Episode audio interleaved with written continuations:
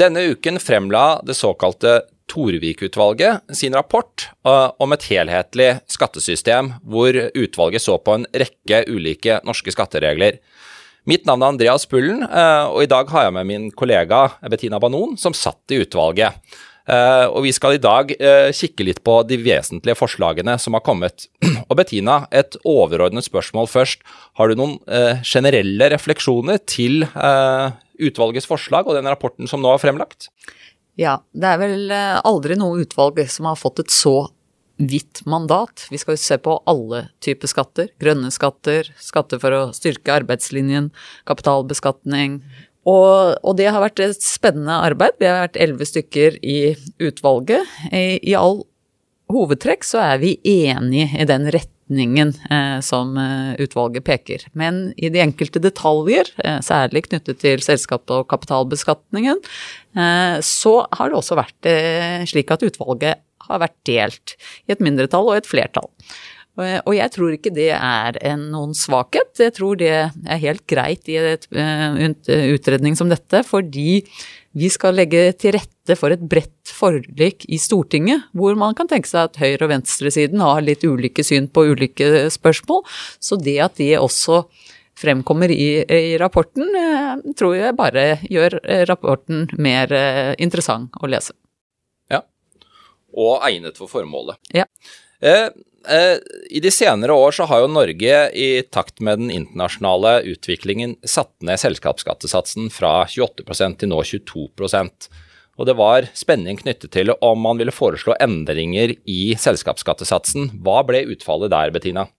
Ja, det er et av de feltene hvor det er et flertall et mindretall. Flertallet så ingen grunn til å endre den, men sier at vi skal nå følge utviklingen. Og man ser jo at en del andre land har begynt å heve Eh, skatten. Eh, man ser jo f.eks. sentraleuropeiske land ligger gjerne over 25% og opp mot 30 Både Tyskland, England skal ha 25% nå fra 2023. Eh, USA, Japan.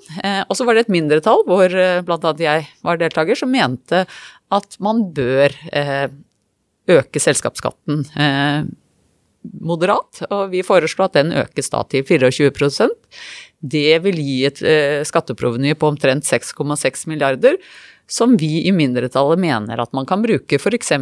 til å redusere utbytteskatten og til å redusere formuesskatt. Ja, og apropos utbyttebeskatt og i og for seg mer generelt aksjebeskatning. Det har jo vært knyttet mye spenning til om utvalget ville foreslå endringen i den såkalte fritaksmetoden, som da fritar aksjegevinster og uh, utbytter oppebåret av selskapsaksjonærer fra beskatning. Kan du si noe om det? Hva ble vurderingene der?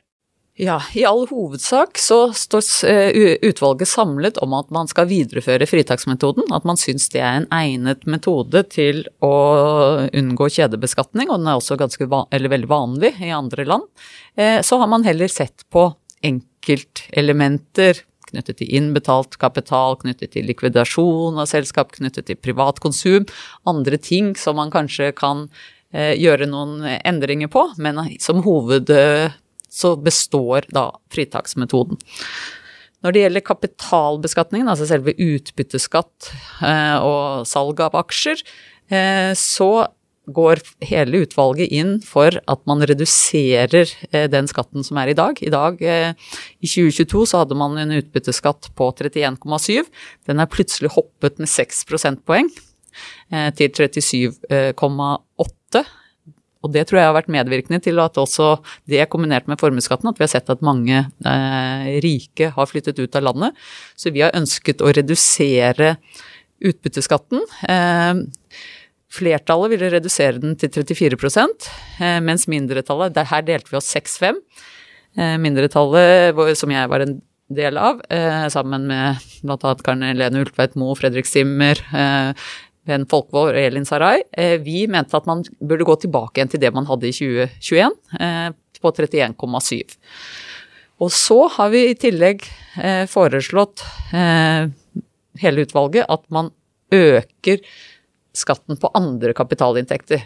Sånn at det som liksom har skjedd litt som er blitt litt spesielt etter at man begynte å trappe ned selskapsskatten, eh, er jo at f.eks. hvis du har en sekundærbolig, så var det tidligere beskattet med 28% Men ettersom man bygget selskapsskatten ned, så gikk den ned til 22% mens utbytteskatten har da gått opp først til 31,7 og nå til dette 37,8. Og da er det blitt et veldig stort spenn mellom hvis du investerer f.eks. i en utleieleilighet eller i aksjer.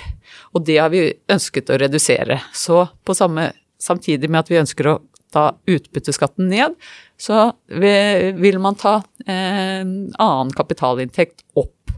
Så det er forslaget fra flertallet på 34% så det er et ganske kraftig hopp, da, fra 22 til 34, eh, mens eh, vi i mindretallet foreslo fra 22 til 31,7 eh. Så er det slik at man holder renteinntekter og renteutgifter utenfor, så de, den vil være samme sats som selskapsskatt. Ja, ja. Og så hvis man da går på personlige aksjonærer, der har man jo denne aksjonærmodellen, som det også var knyttet spenning til om man ville endre, eller kanskje rett og slett foreslå å oppheve. Men så vidt jeg har forstått, så har det ikke kommet forslag om det. Nei, eh, og de satsene jeg nå nevnte knyttet til utbytteskatt, de knytter seg jo nettopp til eh, personer eh, og er aksjonærmodellen. Men der også så er det igjen spørsmål Da har vi denne såkalte skjermingsfradraget. Hvor det er et mindretall, det er ikke jeg del av, men det er tre andre jurister som foreslår at man fjerner skjermingsfradraget. Mens Utvalget går inn for heller å øke skjermingsrenten.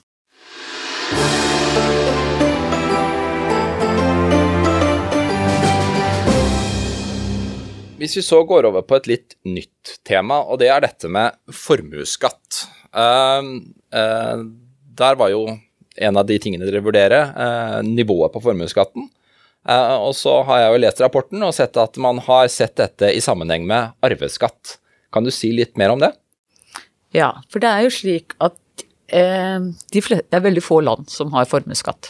Det er Sveits, eh, Spania og det er Norge. Eh, og de fleste andre land har avskaffet den tidligere. Eh, mens arveavgift og en effektiv kapitalinntektsbeskatning er det som er vanlig. Og også er det slik at OECD har anbefalt at man heller har en slik modell enn formuesskatt. Og det Eh, hele utvalget er enig i at man skal prøve eh, å gjøre et skifte. Eh, slik at man bygger ned formuesskatten, men gjeninnfører en moderat arveavgift. Men også her, på den nærmere utformingen, så er utvalget delt. Der er det slik at flertallet vil vel redusere formuesskatten med 8,5 milliarder. Eh, men tar et ganske høyt bunnfradrag. Så det de gjør, er at det blir mange færre som må betale formuesskatt. Men de som eier aksjer for over 20 millioner, får egentlig ikke noen nedgang. Det mener vi som er i mindretallet, at ikke eh, er heldig. og tvert imot ser man denne skatteflukten. Eh, så er det jo de gruppene som nå har fått den høyeste byrden der. Eh, så for vår del så er det helt sentralt at skal man gå inn med et sånt eh, et skift over hvor man skal gjeninnføre arveavgift, så må det være en virkelig markant nedbygging av formuesskatten.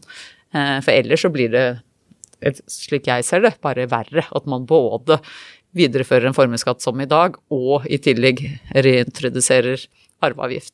Så der, der er Ja er vi, er vi delt om hvordan dette skal gjøres. Men eh, det er jo andre ting som har kommet, f.eks. har det kommet en del om eh, boligbeskatning. Så jeg tenkte å høre på deg, Andreas. Eh, hvordan eh, syns du Var det overraskende, og hvordan eh, er dette blitt mottatt? Ja. Uh, ja, det var kanskje en del av rapporten som, som kom mer overraskende på, på mange, i hvert fall på meg. og Uh, og som også vil uh, ramme mange. For det foreslås jo her relativt kraftige innstramninger i boligbeskatningen. Som uh, jeg tror er faglig sett veldig godt begrunnet. Men uh, bl.a. så har OECD i nye rapporter anbefalt at Norge skattlegger fast eiendom hardere. Men det kan nok tenkes at en del av disse forslagene vil bli ganske upopulære blant massene.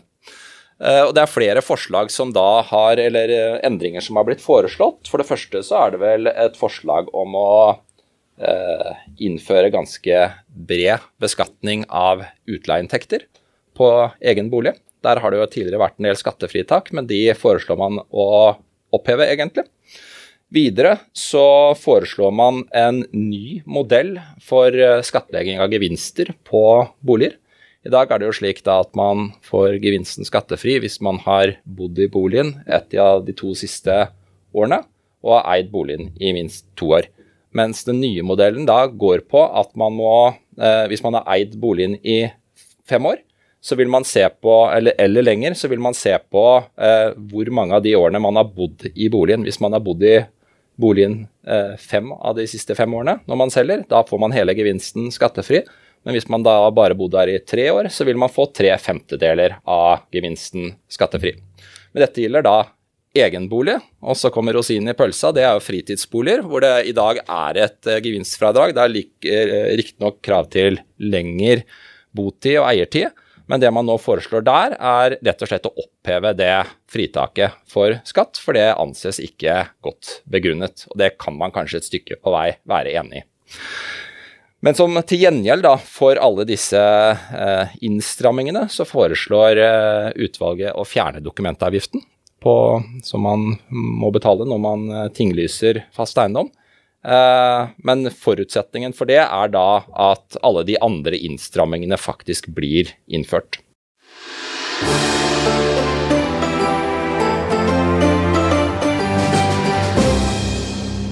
Her er det jo sånn at eh, alt er skalerbart. Eh, så hvis man syns at man ikke vil gå fullt ut inn Man har jo også foreslått dette med å betale for å bo i egen bolig, altså en slags prosentinntekt basert på det tenkt leieverdi. Og hvis man ikke tar dette inn med full tyngde, så kan man heller bare redusere f.eks. dokumentavgiften litt. Og jeg har vel gått inn for at det er ikke gitt at man skal avvikle dokumentavgiften, som er en, en, en avgift som eh, på en måte er blitt akseptert, og, og, som knytter seg også til løpende pengestrømmer. Det er mens man kjøper eh, og selger boligen at den påløper. Eh, men at man heller eventuelt bare reduserer den, og kanskje heller er litt mer forsiktig i hvor mye man innfører av eh, den løpende beskatningen. Jeg har jo også tatt til orde for at man må se alt i sammenheng. Man kan ikke både innføre boligskatt og ha like høy eh, eiendomsskatt og ha høy formuesskatt. Her må, det er sluttsummen som teller.